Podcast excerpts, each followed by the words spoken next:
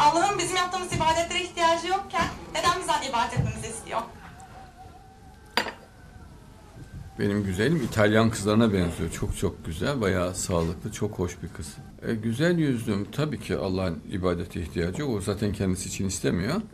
Bizim için istiyor. Biz Allah'a saygımızı, sevgimizi göstermek isteriz. Bir şey yapmak isteriz.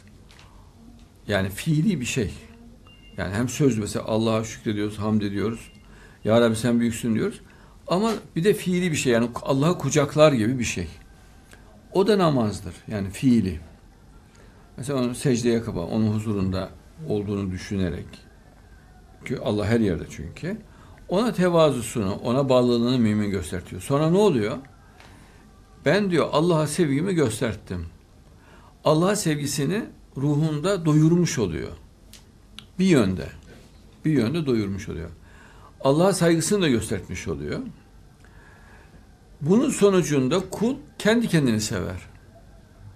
Yani Allah'ı seven, Allah'a saygı gösterten, iyi bir insan olduğuna, dürüst insan olduğuna, vicdanlı bir insan olduğuna kanaati gelir. Kendi kendini sevince de cennette mutlu olur. Eğer bir insan kendi kendini sevmiyorsa mutlu olamaz. Öbür türlü kendini nefret eder. Mesela namaz kılmayan insanlara bakıyoruz. Pişmanlık içinde ve üzüntü içindeler. Kendini sevmiyor. İçi rahat değil. Ama namaz kıldığında ne diyorlar? Bak hep duyarsınız. İşte bir huşu buldum, huzur buldum, kalbim rahatladı, içim açıldı der. O neden? Allah'a karşı vicdan rahatladığı için. Gönlü rahatladığı için. Allah'ı sevmede kalbini tutan çember açılmış oluyor.